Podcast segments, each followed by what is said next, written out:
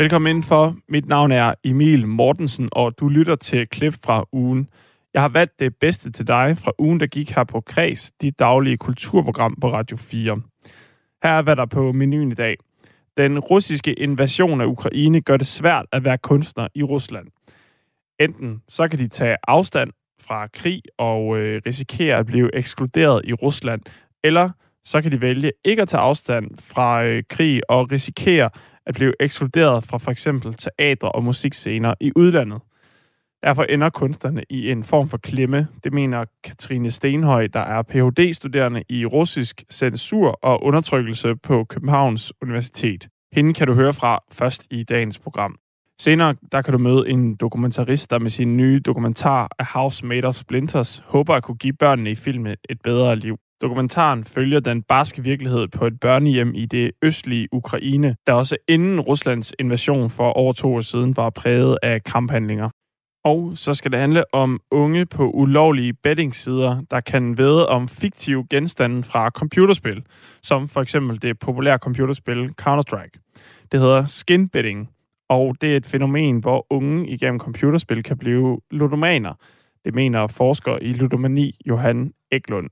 De får en meget tidlig erfaring med pengespil, og lige pludselig så sidder det i en så hård vane, at de øh, har regulær øh, ludomani.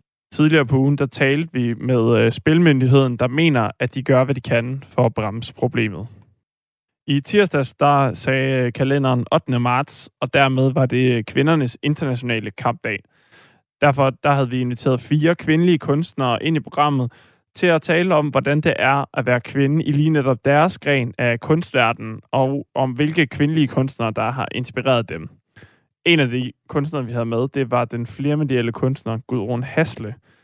Hun øh, fortalte om, hvordan hun som ung studerende på Kunstakademiet kunne få bemærkninger, som kvinder arbejder for personligt til, at publikum kan forholde sig til det. Det indslag kan du høre til sidst her i klip fra ugen, som jeg har fyldt med highlights fra ugen, der er gået på Kreds.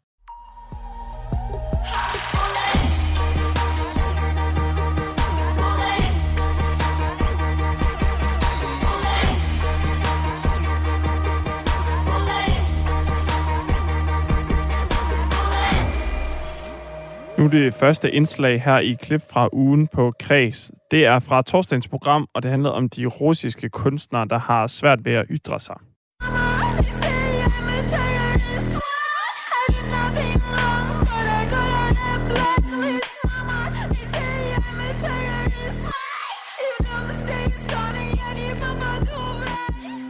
Mor, de siger, at jeg er en terrorist. Jeg gjorde ingenting forkert, men nu er jeg blacklistet.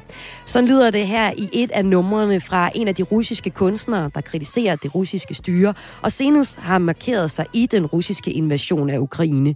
Men lørdag blev det i Rusland per lov forbudt at omtale Ukrainekrigen kritisk og benytte sig af udtryk som angreb, invasion og krigserklæring.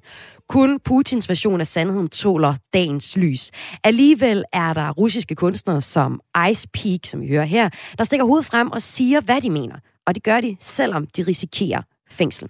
Med mig har jeg nu Ph.D.-studerende i russisk censur og undertrykkelse på Københavns Universitet, Katrine Stævnhøj. Velkommen til Græs.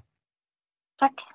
Hvilke muligheder har de russiske kunstnere for at udtrykke, øh, ytre sig kritisk over for Putin og krigen?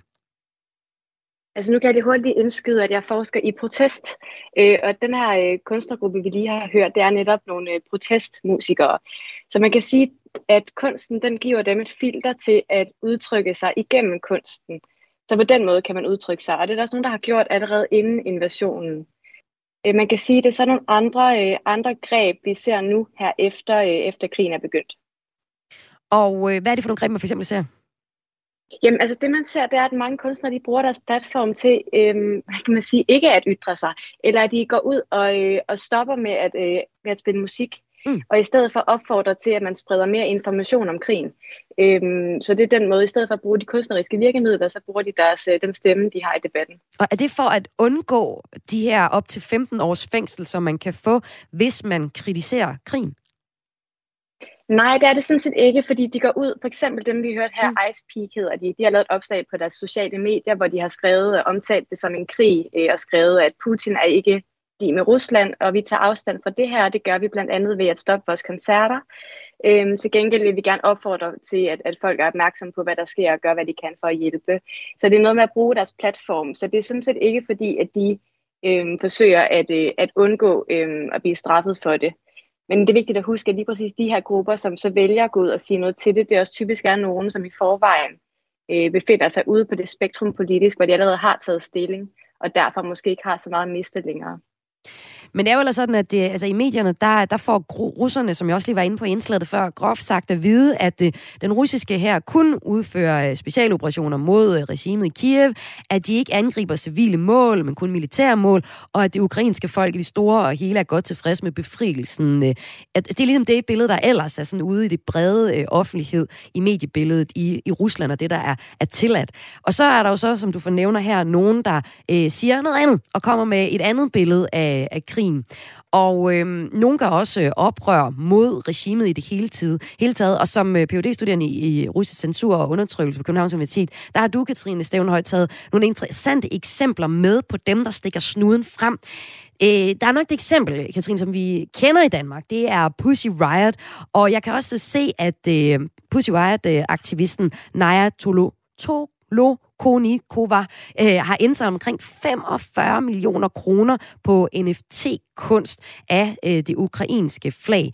Øh, det er jo et eksempel på øh, en kunstner, som har forsøgt at gøre noget i øh, kampen mod Putin og mod styret og tør at stille sig frem. Du har også to andre eksempler med, blandt andet en af de mest respekterede russiske forfattere lige nu. Men lad os lige starte med, at, eller fortsætte lidt med, med gruppen Ice Peak, som vi også hørte her øh, først i udsendelsen. Her er det øh, Death No More, som vi hører lidt af.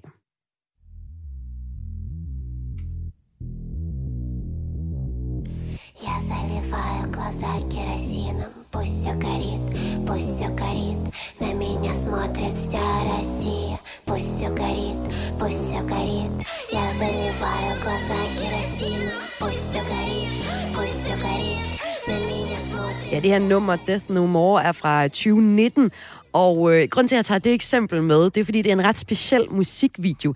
Øh, Katrine Stevenholm, kan du lige prøve at beskrive, hvad er det, man ser i den her video?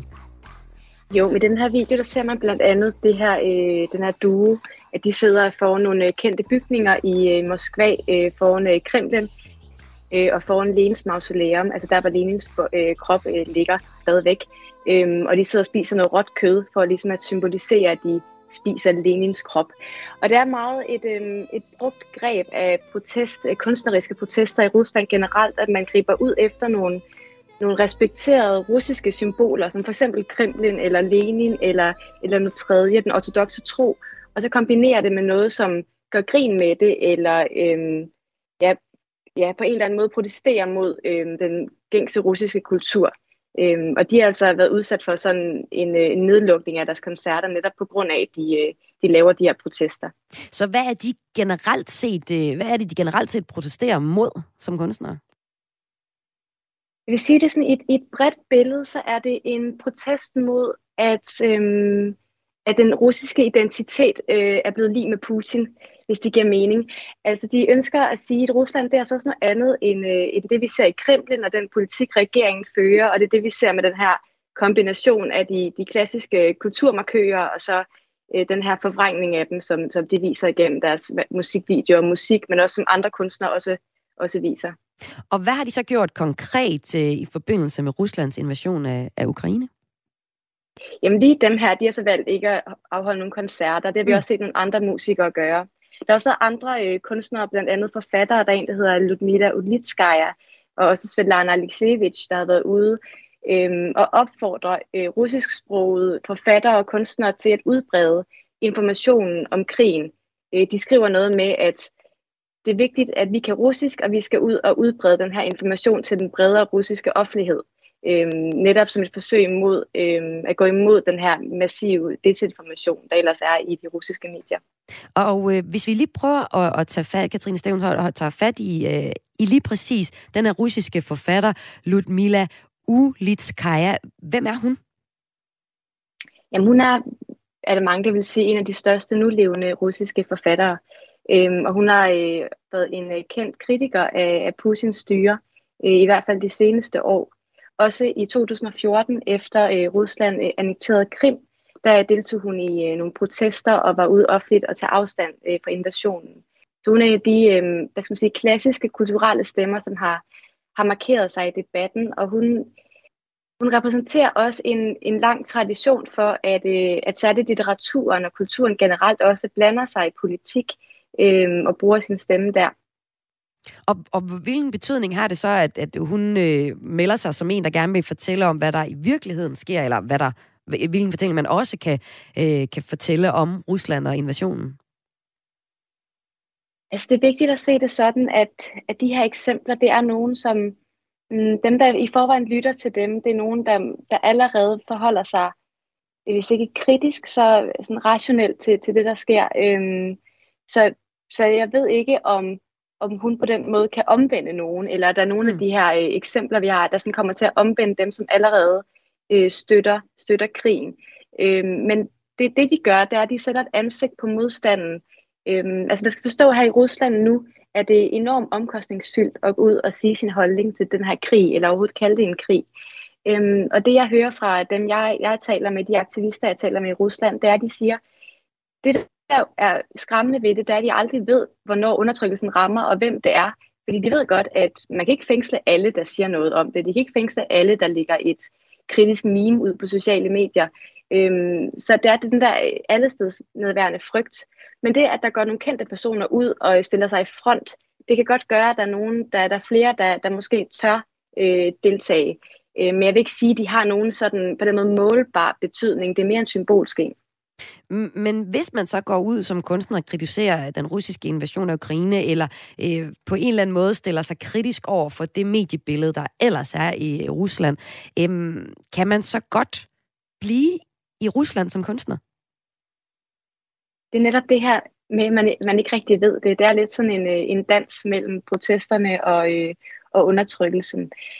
Og man skal også huske, at mange af de, altså dem vi tit nævner som eksempler, det er enten dem, som går ud og er meget åbne om, at de er imod krigen, eller dem, som er, er pro-krigen. Øhm, dem, der er flest af, det er dem, der ikke siger noget. Øhm, og det kan de have rigtig gode grunde til. Netop fordi, at de, de er nødt til at balancere mellem, at de gerne vil have lov til at, øh, at indgå i det russiske samfund, både sådan på den kulturelle scene, men også i det hele taget undgå at blive anholdt eller få bøder, eller blive fyret fra deres arbejde. Øh, samtidig så vil de også gerne have lov til at udøve deres kunst eller deres musik i udlandet. Og det ser vi jo de her dage eksempler på, også i Danmark, at man, at man siger, at man vil ikke have russiske kunstnere eller musikere til at komme og spille eller synge eller udstille, hvis de ikke har taget afstand øh, fra det, der sker i, øh, i Rusland nu. Og det sætter jo de her øh, kunstnere i en enormt prekær situation, fordi de er nødt til at tage et standpunkt, men de har egentlig lyst til ikke at sige noget. Og sådan lød det her fra phd studerende i russisk censur og undertrykkelse ved Københavns Universitet, Katrine Stevnhøj. Tak fordi du var med i Kris.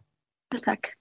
Og øh, hun var altså med, øh, Katrine Stevenhøj var altså med her i kreds på historien om, at russiske kunstnere, der kritiserer invasionen af Ukraine, kan risikere fængselsstraf i op til øh, 15 år. Lørdag blev det i Rusland nemlig forbudt at omtale Ukrainekrigen kritisk og benytte sig af udtryk som angreb og invasion og også sådan krigserklæring. Og i det her, den her snak med Katrine, der er vi kommet ind på nogle af de kunstnere, som er imod Putin og styret. Der er selvfølgelig også kunstnere, der bakker op om det. Et øh, godt eksempel er sangerinden Anna Netrebko, der bakker op om Putin. Hun skulle for eksempel have optrådt i øh, Musikhuset i Aarhus for 14 dage siden, lige ved invasionens øh, start, men endte med at aflyse, og det gjorde hun faktisk selv på grund af situationen. Øh, nu er det jo ligesom blevet øh, forbudt at, øh, at omtale Ukrainekrigen i øh, Rusland. Dagen inden det gjorde det, altså i fredags, der indførte Ruslands øh, internetcensur Roskomnadzor en blokering af Facebook også, hvilket er en stor udvikling i censuren i øh, det kæmpe land, som Rusland er. Og Rusland er dermed med i den øh, lille håndfuld af lande i verden, som blokerer for Facebook. Listen tæller blandt andet også Kina og Nordkorea.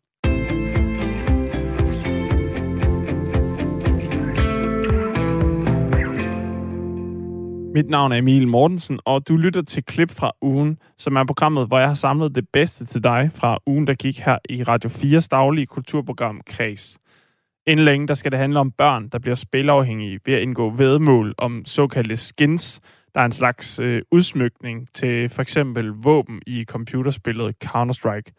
Men inden da, der er fundet et indslag frem fra onsdagens udsendelse. Det er øh, filminstruktør Simon Lering Vilmons, der fortæller om, hvordan han kom helt tæt på de vedvirkende i hans nye dokumentarfilm optaget i det østlige Ukraine. Et område, der allerede øh, inden den russiske invasion af Ukraine var præget af kamphandlinger. Under optagelserne til film, så kunne Simon ikke undgå at komme helt tæt på de medvirkende, og derfor håber han også, at han med filmen kan være med til at ændre børnenes liv. Og øh, nu velkommen til dig, altså instruktøren bag dokumentarfilmen af House Made of Splinters, Simon Ring Vilmons. Velkommen til Græs. Tak skal du have.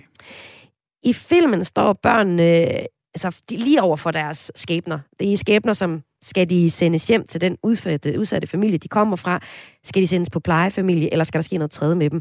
Vi øh, følger nogle forskellige børn, blandt andet Kolja på cirka 12 år, der sammen med sine to øh, yngre søstre ringe, ringer hjem til deres øh, alkoholiserede mor i en scene. Og vi kan lige høre noget fra scenen her. I, igennem scenen, der taler de tre søskende med deres mor, som insisterer på at få at vide, om det var bedre at være, bedre at være på børnehjemmet, end at være hos hende. Det er godt. С тобой Кристина, короче, хочет поговорить. Давай. А я, мам. Привет, Крестюш. Привет. Как ты, зайчик? Нормально. Ja, altså her et lille klip fra øh, filmen, hvor børnene befinder sig på øh, et øh, børnehjem, mellem, mens de sociale myndigheder afgør, hvad der skal ske efter de her maksimalt ni måneder, børnene kan opholde sig på børnehjemmet. Hvad er det for nogle børn, vi møder i den her dokumentar?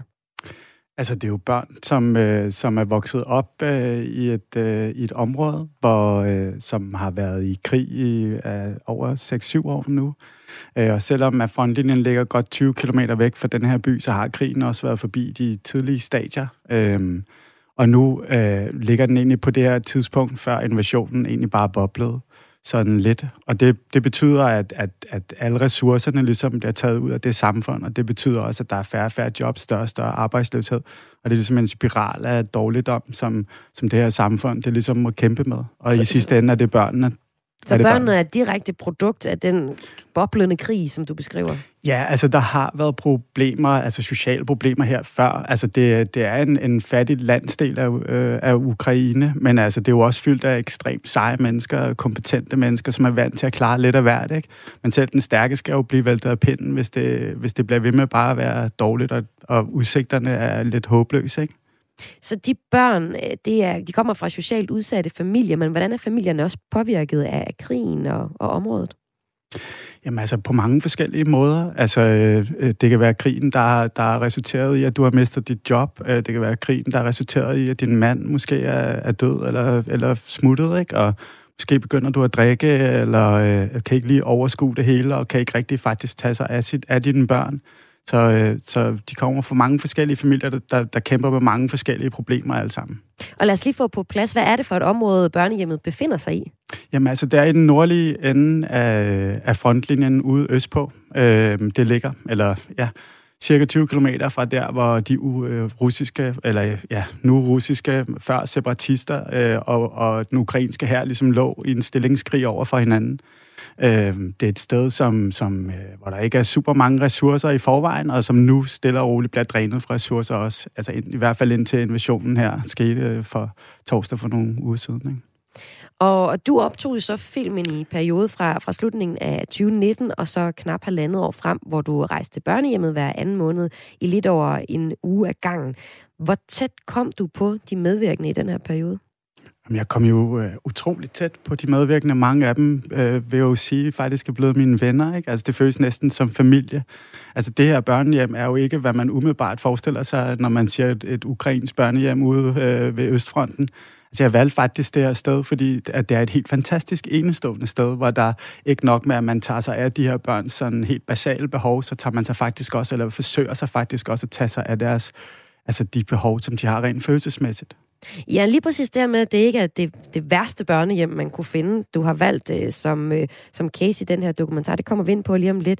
Fordi du nemlig det her med, at, at filmen, der vil du også gerne vise et håb og et sammenhold der også er på børnehjemmet, på trods af et hårdt liv med dystre udsigter. udsigter. Øh, vi skal lige høre en bid mere fra en scene. Det er igen med den her cirka 12-årige øh, Kolja, der på trods af hans ellers ret hårde yder, kan man se i filmen, forsøger sådan at passe på sine to yngre søskende. Her i scenen, der læser han øh, højt for dem. Плавать он не умел. и поэтому попросил лягушку переправить его на другой берег. «Ни за что», — ответила лягушка, — «ты ужалишь меня, и я утону». «Конечно же, я не буду тебя жалить». Hvad er det, du gerne vil fortælle med lige præcis den her scene, Simon Ring Vilmons? Jeg vil gerne fortælle, altså jeg er jo ikke på udkig efter at bare beskrive tragedie. Snart tværtimod vil jeg gerne lede efter de tidspunkter, hvor, hvor vi som mennesker vokser, og hvad det er, der ligesom gør, at vi kan overleve og, og trives i nogle rigtig under ekstreme forhold og, og, og triste forhold. Og i den her scene, der ser vi jo, hvordan at den her øh, dreng, han tager sig af sine søskende og sørger for at give dem den kærlighed og den, den, den støtte, som de har brug for, øh, nu når moren ikke øh, er der, eller moren og ikke har været i stand til det tidligere. Men altså, det, nu har jeg set dokumentaren. Det er jo så meget tragedie, der alligevel er i den her film. Var det svært at finde de lyse øjeblikke, som du, som du har lyst til at have med i din dokumentar? Altså, det siger jo sig selv i udgangspunkt, at hvis man er på et midlertidigt børnehjem, så, ja. så er det svært. Men, ja. men, men jeg, jeg tænker, eller det synes jeg i hvert fald, altså, at når, når jeg kigger nærmere efter, så var det netop de der stærke bånd, som børnene også på, altså på tværs af hinanden og med de voksne, der er der, ligesom knytter. Det synes jeg skaber et håb om, at så længe man er i stand og har lyst til at knytte det der følelsesmæssige tætte bånd, det er det, der ligesom skal få os igennem. Vi kan ikke klare det alene. Altså, man bliver nødt til ligesom at have nogen at holde af, og nogen, der holder af dig. Og du overrasker også mig bare i åbningsscenen, hvor der er øh, en af de ansatte, der går rundt og vækker alle børn, og vækker dem sådan ret personligt. Der er nogen, der bliver kildet med en fjer, og der er nogen, der lige, du skal lige have lidt vand for at vågne, er der en, der bliver, øh, bliver der sagt til en af dem. Man fornemmer faktisk, at på trods af, at de ikke er der midlertidigt på det her børnehjem, så er der en stor kærlighed til de børn. Og jeg ved også, at du føler dig ret ansvarlig for, at børnene på børnehjemmet kan få et bedre liv. Altså, hvad var det, du håber, altså, hvad håber du, at den her film kan udrette? Det er jo bare en dokumentarfilm, Tim. ja, men jeg tænker jo, at film kan rigtig meget. Altså, det er de bedste dokumentarfilm, de kan røre os på en måde, som gør, at, at motivationen for rent faktisk at ville gøre en forskel og hjælpe andre mennesker, den bliver meget stærkere. Øh, så det var jo faktisk det, jeg håbede, før invasionen skete. Der havde vi jo en helt lang plan om, at, at den skulle vises i Kiev for, for, for myndighederne. Øh, fordi at det her sted er fantastisk, men den er mange steder ligesom det, der ikke er. Øh, og derfor ville vi og den centrale administration, der ligesom bare gerne du ved, råbe politikerne op, og det havde vi faktisk øh, sådan indledende lidt held til rent faktisk, at den skulle være blevet vist her slut på måneden, og forhåbentlig havde vi fået nogle af de der VIP's, øh, dem, som rigtig kan rykke noget i politik øh, øh, i tale øh, og kunne rykke dem, men så kom invasionen, og nu så er det sgu svært at sige, øh, altså dels hvor, hvor det hele ender hen, men også om hvordan søren vi får ligesom samlet op på det her igen. Ikke? Men så er jo lige så vendt tilbage til, hvorfor viser, hvis du gerne vil med, med den her nye dokumentarfilm af House Made of Splinters gerne vil råbe øh, faktisk lokalbefolkningen op og få gjort noget ved de, øh, sart, ja, de udsatte familier, der opstår både i en krig, men også i et, et hårdt område. Hvorfor vælger du så ikke de allergrældeste eksempler? Der, hvor vi virkelig har lyst til at flå øjnene ud på os selv, fordi det simpelthen er så slemt at se. Det vil jeg også sige. Den er slem nok at se, den her dokumentar. Men altså, hvorfor vælger du ikke de steder, hvor det står aller, aller værst til? Fordi jeg tror ikke, at mennesker bliver inspireret af tragedie. Jeg tror, at mennesker bliver inspireret af håb. At, at det, at de rent faktisk gør noget, det kan betyde noget. Hvis du i forvejen tænker, at det her det, det er for trist, det er, det, det er uløseligt, så tror jeg, at de fleste står af. Hvordan blev du selv... Øh jeg ved, du selv blev involveret i, øh, i den her dokumentar. Jeg ved, du selv fik lyst til at gøre mere end bare at holde kameraet og snakke med, med personalet. Du undersøgte faktisk også, om du kunne øh, tage imod et af børn, børnene. Hvorfor ja, det var du? helt klart betalt. Mig og min øh, kone havde da helt klart øh, på et tidspunkt diskuteret det her om, hvorvidt at vi skulle hente en af børnene herop til. Men under hele forløbet har, vi også været, har jeg været i tæt kontakt med både de, de, de mennesker, professionelle mennesker, som tager sig af børnene dernede, både før, under og efter. Og i den forbindelse også med nogle psykologer, som vi ansatte bagefter til lige at kigge efter børnene, når optagelserne var slut, for at give dem en ekstra, sådan lige et ekstra øje på. Og øh, det, som de her psykologer, de fortalte også, det var, at det skulle vi overveje et par ekstra gange, fordi at øh, det at tage et barn, der kommer fra de her omstændigheder, med den her familiehistorie, op til Danmark, til en helt ny kultur, et sprog, som de ikke kender i en vis alder, øh, det er ikke sikkert, at det nødvendigvis vil ende lykkeligt, og det vil kræve noget helt ekstraordinært. Hvordan fik du det af for den besked?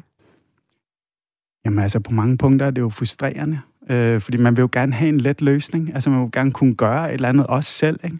Øh, og, og, og det havde jo været en fin ting. Men altså, hvis ikke det den... Altså, øh, selv den bedste gode gerning kan jo også vise sig i virkeligheden ikke at virke efter hensigten. Og måske har børnene det bedre faktisk i den, i, altså i den kontekst, de er. Altså håbet var jo også, at der var en masse ukrainske familier, som når den her blev vist på ukrainsk tv, ville melde sig og stå i kø for ligesom at tage sig af de her fantastiske børn. Ikke? Familier fra, fra et område, hvor de allerede kan sproget, og hvor de allerede kan de kulturen og det hele. Ja, nu siger du håb, ikke? Og det tror jeg også en af replikkerne i, øh, fra, fra, fra, fra fortælleren i, i den her dokumentar, Housemate of Splinter, som vi taler om i kreds øh, lige nu. En, der siger, at håbet er det sidste, der dør øh, for et menneske. Og kan du med den her, kunne du altså bare ved at være der med jeres øh, optageudstyr, gav du så egentlig også noget håb til de børn? Var det din fornemmelse?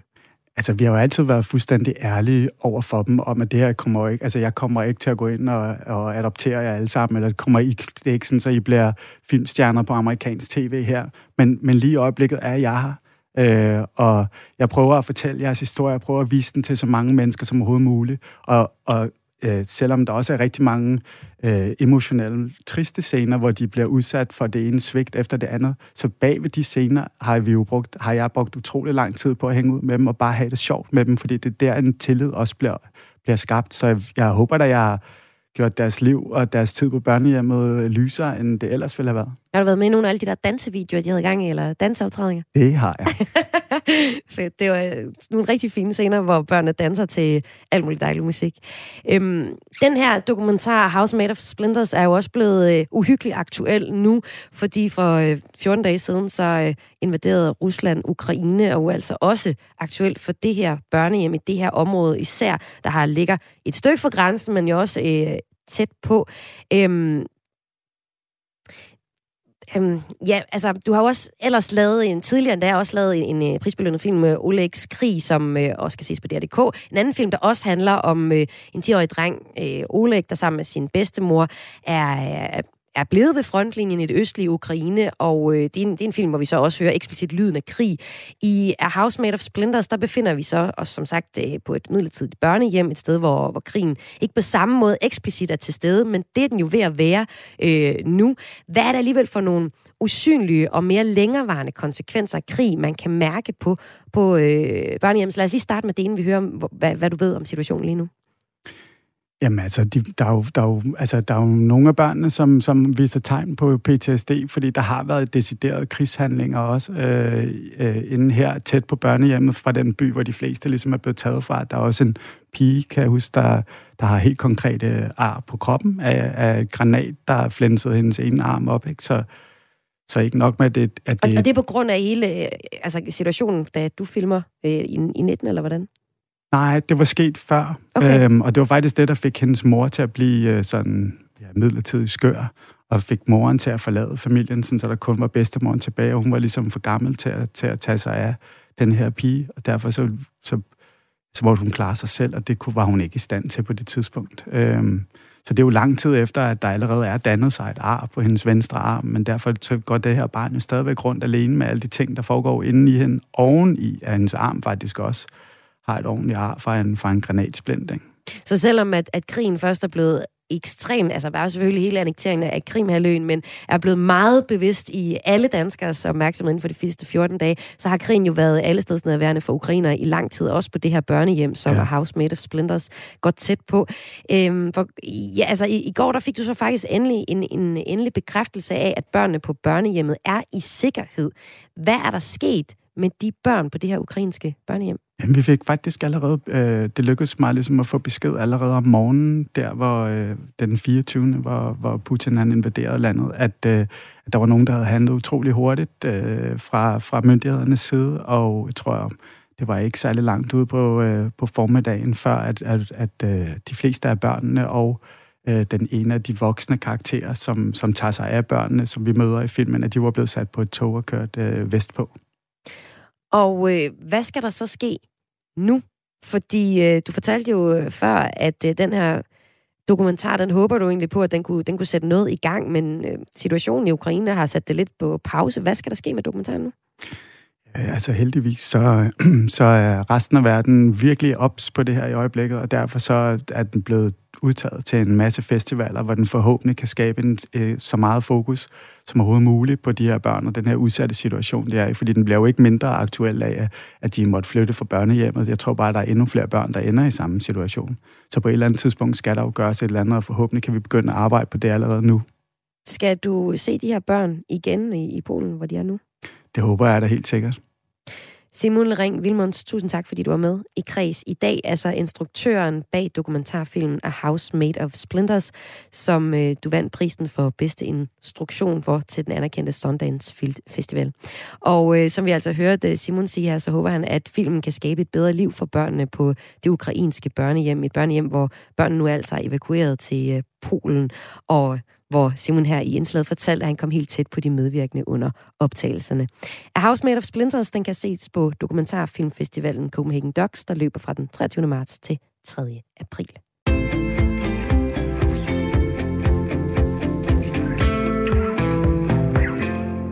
Lige nu, der lytter du til et klip fra ugen med highlights fra den seneste uge i Radio 4's daglige kulturprogram Kreds. Nu til indslaget om skinbedding fra onsdagens udgave.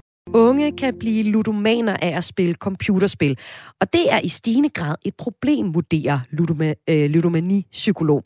Spilmyndigheden de mener, at de tager problemet seriøst, og dem taler jeg med om lidt. Den her historie det drejer sig om computerspil, som for eksempel det populære spil Counter-Strike, der bliver mere og mere populært blandt børn, blandt børn og unge.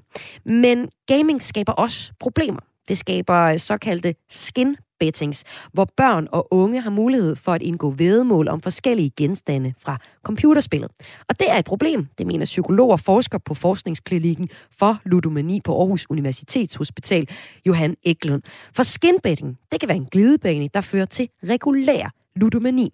På forskningsklinikken, der modtager de hver anden uge en ny klient, hvis øh, ludomani er opstået på baggrund af computerspil, fortæller han jeg ser det som om, de her unge mennesker, de er begyndt at få en dårlig vane med at gamble, da de var under 18, og nu har de regulær ludomani som 18-årige. Og om lidt, Græs, så taler jeg med kontorchef i Spilmyndigheden, som er den myndighed, der har ansvaret for at sikre et ordentligt og reguleret spilmarked i Danmark. Men øh, om, og, og jeg taler med ham om, om de gør nok for at forhindre adgangen til altså det her skinbetting. Men først så skal vi nok lige have plads, hvad det her skinbetting er. Altså, skin, det er en måde at ændre udseende på, på dit øh, våben eller din figur, for eksempel i computerspillet Counter-Strike. Så er det altså her, du lige skal kigge din øh, datter eller søn over skulderen, der måske sidder og gamer, lige præcis det her spil. Udseendet på de våben, der bliver brugt i spillet øh, Counter-Strike, de har ikke nogen indflydelse på, hvor øh, godt du skyder. Det handler udelukkende om æstetik. Nogle skins, de er så sjældne, andre er ikke. Og derfor har de højere værdi end andre, fuldstændig ligesom øh, nogle mønter eller frimærker har højere værdi blandt samlere.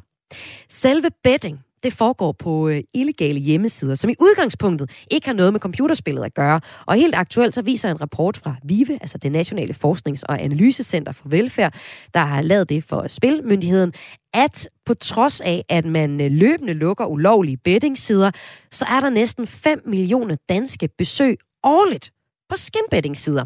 Og ifølge Johan Eklund, der altså forsker i ludomani og til daglig behandler unge mænd og kvinder med, øh, så kan såkaldt skinbetting være med til at så frøen til ludomani senere i livet. Det forklarede min kollega Esben Lund, som talte med ham her inden udsendelsen. Det hænger sådan sammen, at når jeg spørger dem, når de første gang spillede for deres egen penge, så, er det, så nævner de, at det var i øh, FIFA. Øh, de købte FIFA Ultimate Team Packs, eller det var i Counter-Strike, øh, hvor de købte øh, de her CSGO cases i Counter-Strike, øh, og hvor at når du åbner en case i Counter-Strike, så kører der en roulette, der afgør, hvilket skin du får, og så kan det være et, et, øh, et skin med lav værdi, eller en skin med høj værdi. Og så når de har fået de her skins, øh, så har, fordi de kan handle dem, de kan sælge dem til hinanden, så kan de også sende dem til et øh, illegalt casino-site, øh, som fuldstændig uden at verificere alder, øh, faktisk gør, at du kan bruge skins øh, som indskud. Jeg, jeg kalder nogle gange skins for, for setonger, børnesetonger. Øh, så kan de bruge dem som indskud til gamblingspil. Og hvorfor er det et problem? Det er et problem, fordi at fra mit kontor så ser det ud til, at de får en meget tidlig debut, øh, de får en meget tidlig erfaring med pengespil, som, som gør, at øh, deres hjerner øh, de reagerer på det her positivt, og de lægger måske ikke mærke til med det samme, men de, kommer, de får reguleret sig selv væk fra eventuelle bekymringer i deres liv. Og hvis deres hjerne først har lært det, så er det mere tilbøjeligt til at gøre det næste gang, de bliver bekymret. Og lige pludselig så sidder de i en så hård vane, at de øh, har regulær øh, ludomani til sidst. Og sådan som jeg ser det, så ser jeg, at de ikke lige pludselig begynder at spille de her legale øh, produkter, øh, gamblingprodukter. Deres vej ind i det har været via de her skins øh, og lootboxe i, i, penge, i, i gambling, undskyld, i øh, computerspil, øh, har de kommet i kontakt med gambling. Så kan man sige, at øh, computerspil faktisk øh, danner grundlag for øh, en ludomani i en forstand? Det er det, jeg ser på mit kontor i hvert fald. Forskningen på det her område er stadig ny, øh, fordi det er et nyt produkt. Men da, hvad jeg er orienteret om forskningsmæssigt, så bliver sammenhængen den bliver, den bliver stærkere og stærkere og mindre og mindre spekulativ. Men det er det, jeg ser ind fra mit kontor, at jeg ser det som om de her unge mennesker, de er begyndt at få en dårlig vane med at gamble, da de var under 18, og nu har de regulær ludomani som 18-årige. Normalt der kender man ludomani fra øh, folk, der ja, eksempelvis spiller på, øh, på øh, nettet, nettet, spiller på fodboldkampe og begynder at spille på casinoer og, og øh, bruger rigtig mange penge på at jagte gevinsten. Øhm, det her det handler også om at jagte en eller anden form for gevinst. Men øh, hvordan kan man adskille de to ting? Altså denne her øh, klassiske form for ludomani, og så den ludomani, der opstår i, gennem computerspil? Og ja, min pointe vil netop være, at der er ikke nogen forskel. Hvis du ser psykologisk på det, så er det, når du åbner en case øh, i Counter-Strike, som du har betalt for, så der er et indskud, det bliver afgjort tilfældigt, øh, og du får nummer, det tredje kriterie her, du får en gevinst for det, så er det præcis samme mekanismer, som bliver udløst i vores hoved, som når vi går hen og trækker den enarmede 20 knægt. Så psykologisk set, der er der ikke nogen forskel øh, på, fra min stol. Det er jo sådan, at i marts, der fik øh, Spillemyndigheden øh, medhold i Københavns Byret i en sag om blokering af 25 hjemmesider, hvor 15 af dem var øh, det her skinbetting-sider. Øh, det vil sige, de blev simpelthen ikke mulige at tilgå via en dansk IP-adresse. Det er ligesom Spillemyndighedens måde at, at modvirke det her problem. Øhm, men hvad tænker du om den måde, spillemyndighederne prøver at bekæmpe denne her, øh, det her problem, som du ser? Jeg er selvfølgelig glad for et hvert ligesom et indgreb, der gør, der gør det mere besværligt. Og jeg, jeg, jeg tænker også, det har en effekt at blokere de her sider, især for de yngste spillere. Men du skal ikke være særlig gammel, før du kan google øh, på, på YouTube, hvordan du installerer en VPN-klient og kommer udenom de her blokeringer. Så det er et meget, altså det er, det er et meget lavt hegn, de sætter op lød det her fra forsker i ludomani Johan Eklund om, at unge kan blive ludomaner af at spille computerspil. Det kan i hvert fald føre til. Nu kan jeg sige øh, velkommen til kontorchef hos Spilmyndigheden, Jan Madsen. Velkommen til Kreds. Tak skal du have. Og du har lyttet med på, hvad Johan Eklund sagde her. Altså den 25. marts, som jeg også hørte, der 2019, der fik Spilmyndigheden medhold hos Københavns Byret i en sag om blokering af 25 hjemmesider, der så øh, der udbyder ulovlige spil i Danmark, og 15 af dem var skinbetting-sider. Så det er et fokus, I har hos øh, Spilmyndigheden og også gør noget ved. Men øh, som vi også hører her, så er det sådan, at hver anden uge, så oplever de på forskningsklinikken for ludomani en ny klient, hvis ludomani er opstået på baggrund af computerspil. Så jeg har lyst til at spørge dig, er det for nemt at skinbette for børn under 18 år i Danmark lige nu?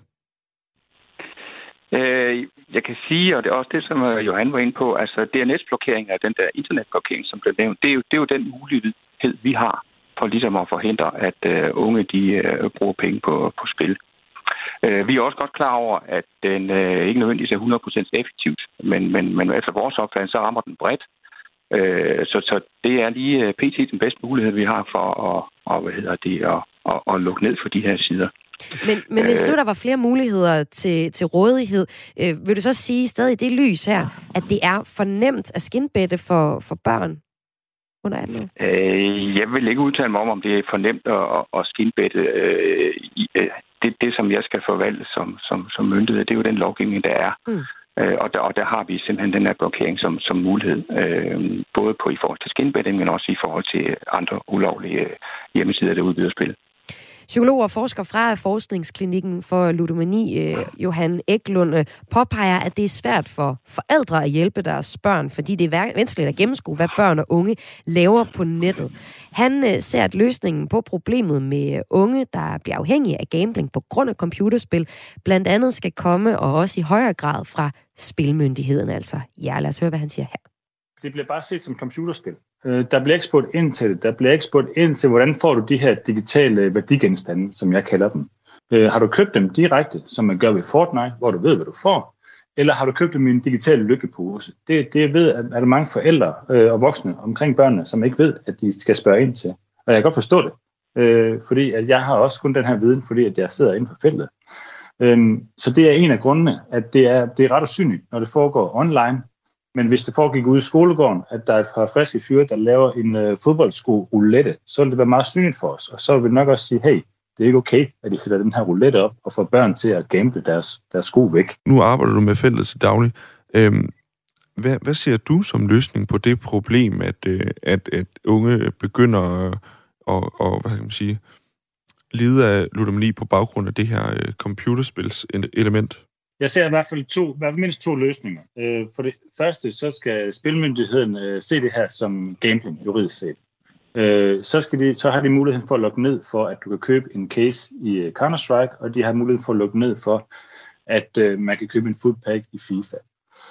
Og hvis, altså selvom det egentlig sker eller ikke sker, så ønsker jeg også meget stærkt, at jeg kan få branchen i tale. Og der måske kunne laves en form for etisk kodex for, i, i hvilken grad øh, og hvordan vi udvikler vores computerspil til vores unge brugere. Og jeg har sådan sagt ikke noget imod gambling, øh, så længe det er målrettet øh, og kun tilgængeligt for folk over 18 år. Så jeg savner egentlig øh, en, en indsats på to ben. Dels kunne man snakke forbud, men man kunne også øh, snakke en indsats, der hedder nu lave nogle etiske guidelines fra, fra branchens side. Og sådan lød det altså igen her fra forsker i ludomani, Johan Eklund, om at unge kan blive øh, ludomaner af at spille computerspil. Og han snakker altså om to ben i forhold til at komme det her øh, problem til livs. Og med mig har jeg øh, stadig fra Spilmyndigheden kontorchef Jan Massen.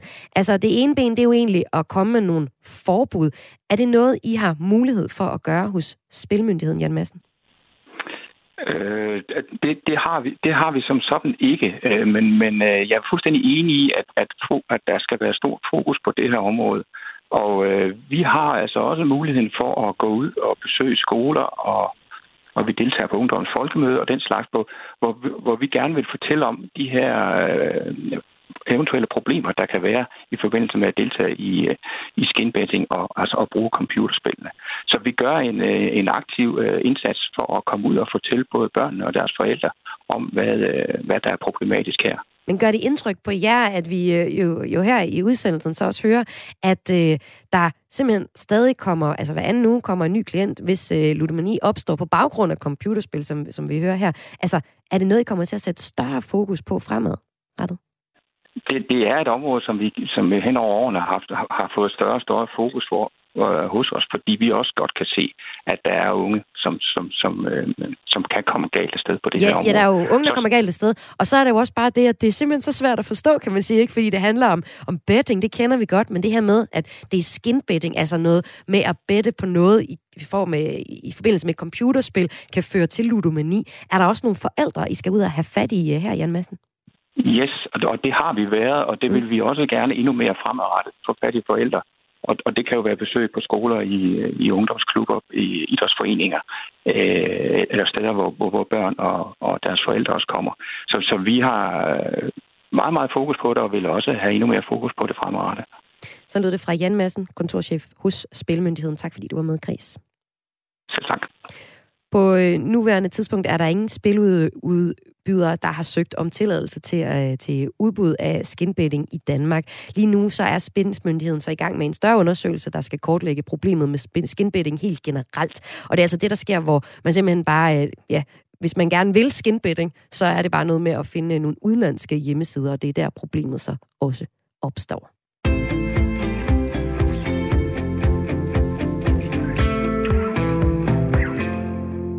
Mit navn er Emil Mortensen, og du lytter til et klip fra ugen med highlights fra den seneste uge i Radio 4's daglige kulturprogram Kreds. I anledning af kvindernes internationale kampdag i tirsdags, der havde vi inviteret fire kvinder ind fra forskellige dele af kunstverdenen.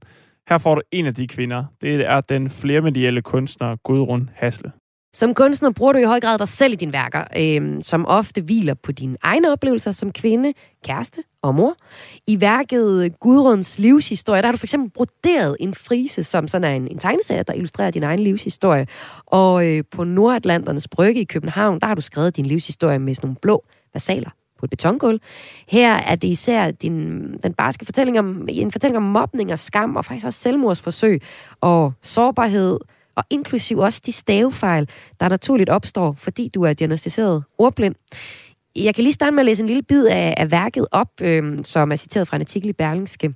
Og det lyder sådan her. Og det, det er barsk, synes jeg. Så jeg, jeg prøver lige at bevare roen. Alle elever blev bedt om at gå op til tavlen, en af gangen, og pege på et bogstav og sige et ord, der passede til. Jeg følte, jeg havde helt styr på det. Jeg sagde æble og pegede på A. Der blev helt stille i rummet. Derfra var det svært. Jeg kunne bare ikke lære at læse. Jeg kunne bare ikke finde ud af det. At være som alle andre. Jeg havde ondt i maven næsten hele tiden. Da jeg var ni år, gik jeg op på badeværelset og prøvede at drikke en flaske nejlak fjerner. Gudrun Hasle, hvad giver det din kunst, at du bruger dig selv så meget i dine værker? Jeg tror, der, der sker et eller andet særligt, når man bruger sig selv. At det er ligesom, når du har en... Øh, når du ser ligesom en film, og så står der til sidst, based on a true story. Øhm, pludselig fornemmer man det på en anden måde. Det er ikke bare noget, der har foregået op i en anden forfatter, eller øhm, en, en eller anden, der har skrevet noget. Deres hoved, det er ikke noget, der ligesom bare er et eventyr. Det er virkelighed.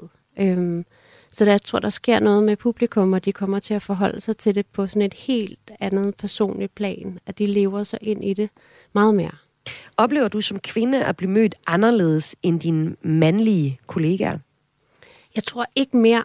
Altså, jeg, jeg har virkelig gået og tænkt over det. Altså, det, jeg, jeg ved, det kan også godt være, det er, fordi jeg er blevet ældre. Øhm, da jeg var yngre, det var jo, altså det er også bare det hele taget at leve livet, når man er ung og lyshåret. Øhm, så var det jo sådan noget, man blev råbt efter på gaden, og man skulle altid være lidt nervøs, når man gik hjem fra byen, for man vidste, at man ville få alle mulige lorte kommentarer på vejen hjem.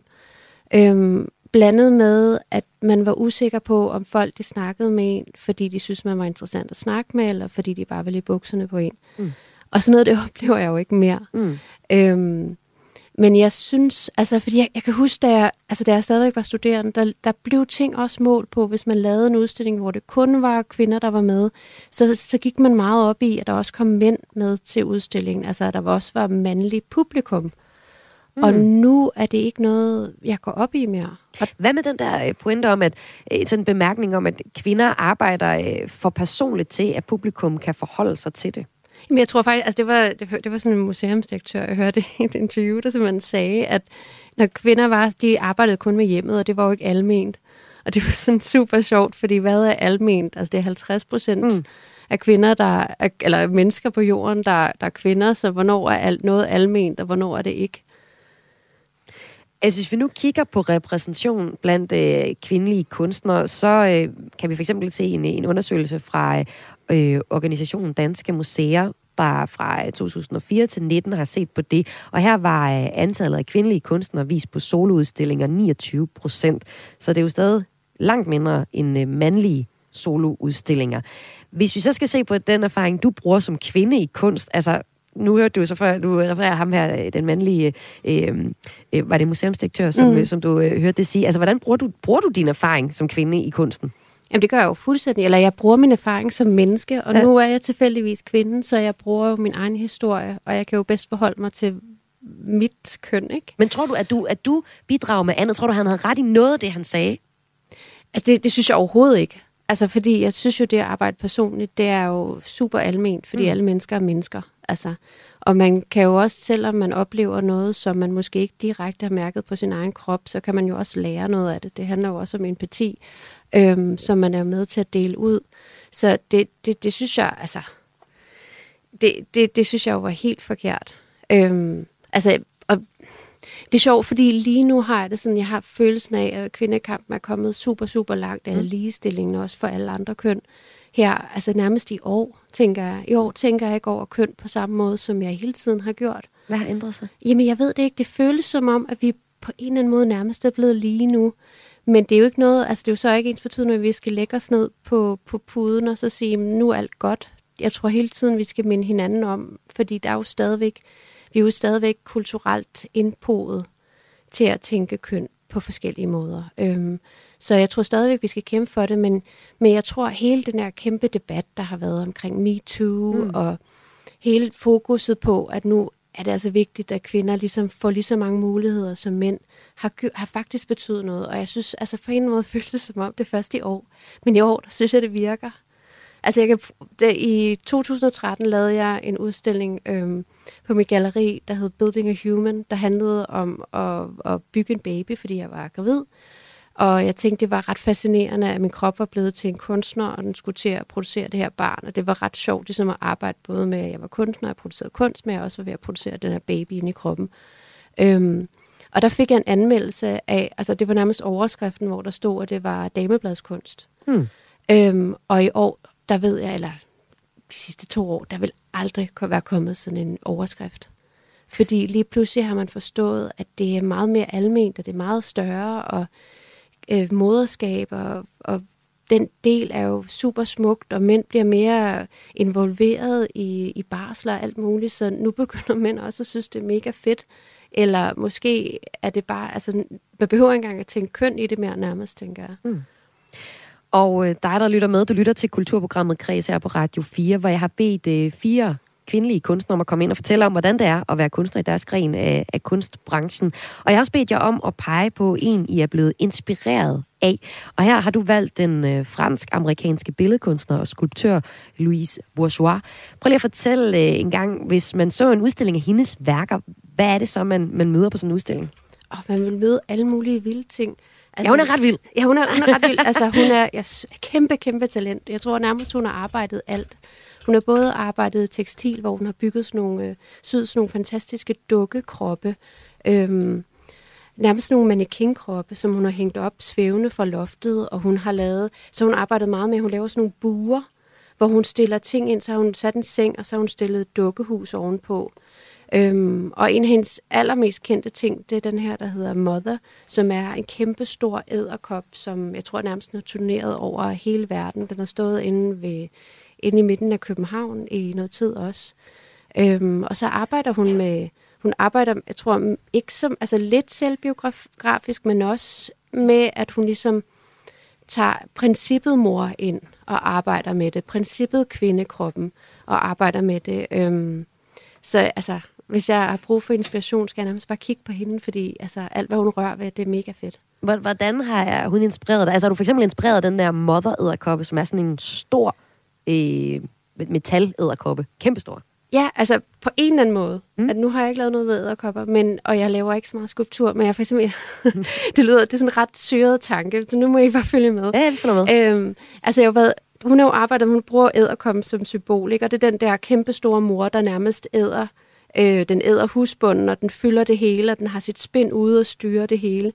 Øhm, og jeg tror, den sådan tanke, hvis jeg vred den lidt, så endte det med, at jeg faktisk jeg sad og broderede en, et billede af, af, hvad hedder det, et køn, Øhm, og så tror jeg, så skrev jeg, jeg er et kæmpestort kød, jeg er et kæmpestort kødhul, og jeg æder dig med min kærlighed. øhm, så det tror jeg, det kunne jeg på en eller anden måde godt, ligesom, øh, jeg tror, at nogle af de tanker kommer sikkert fra hende.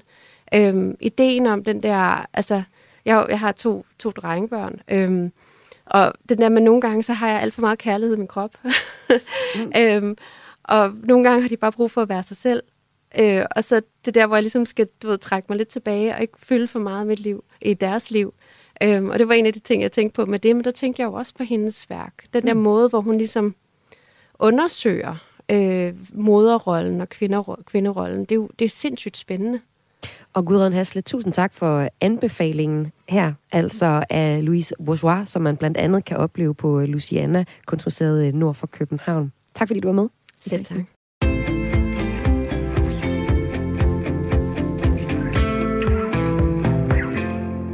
Det var så den her uges udgave af klip fra ugen, hvor jeg havde øh, pakket den med gode highlights fra den seneste uge på Radio 4's daglige kulturprogram Kreds. Hvis du har en historie, du mener, vi skal gribe fat i, så send en mail til kraes radio4.dk.